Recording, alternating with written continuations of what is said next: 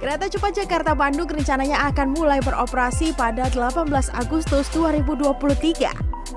Hal ini menjadikan keberadaan kereta cepat menjadi objek foto dengan daya tarik tersendiri.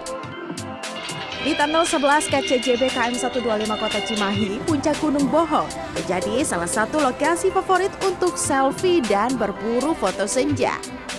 Bukan hanya remaja, tak sedikit juga para ibu-ibu yang nongkrong di tempat tersebut sambil menunggu kereta cepat lewat. Kereta yang mau diriliskan tahun-tahun sekarang kan, ya pokoknya mah bagus lah kalau buat anak-anak muda mah. Banyaknya warga yang berdatangan ke puncak Gunung Bohong membuat petugas kepolisian khawatir. Pasalnya antara jalan dan terowongan kereta cepat berjarak sangat dekat. Untuk itu, polisi pun memasang garis polisi dan papan peringatan area terlarang untuk dilintasi warga. Sejumlah petugas juga tetap berjaga di sekitar lokasi.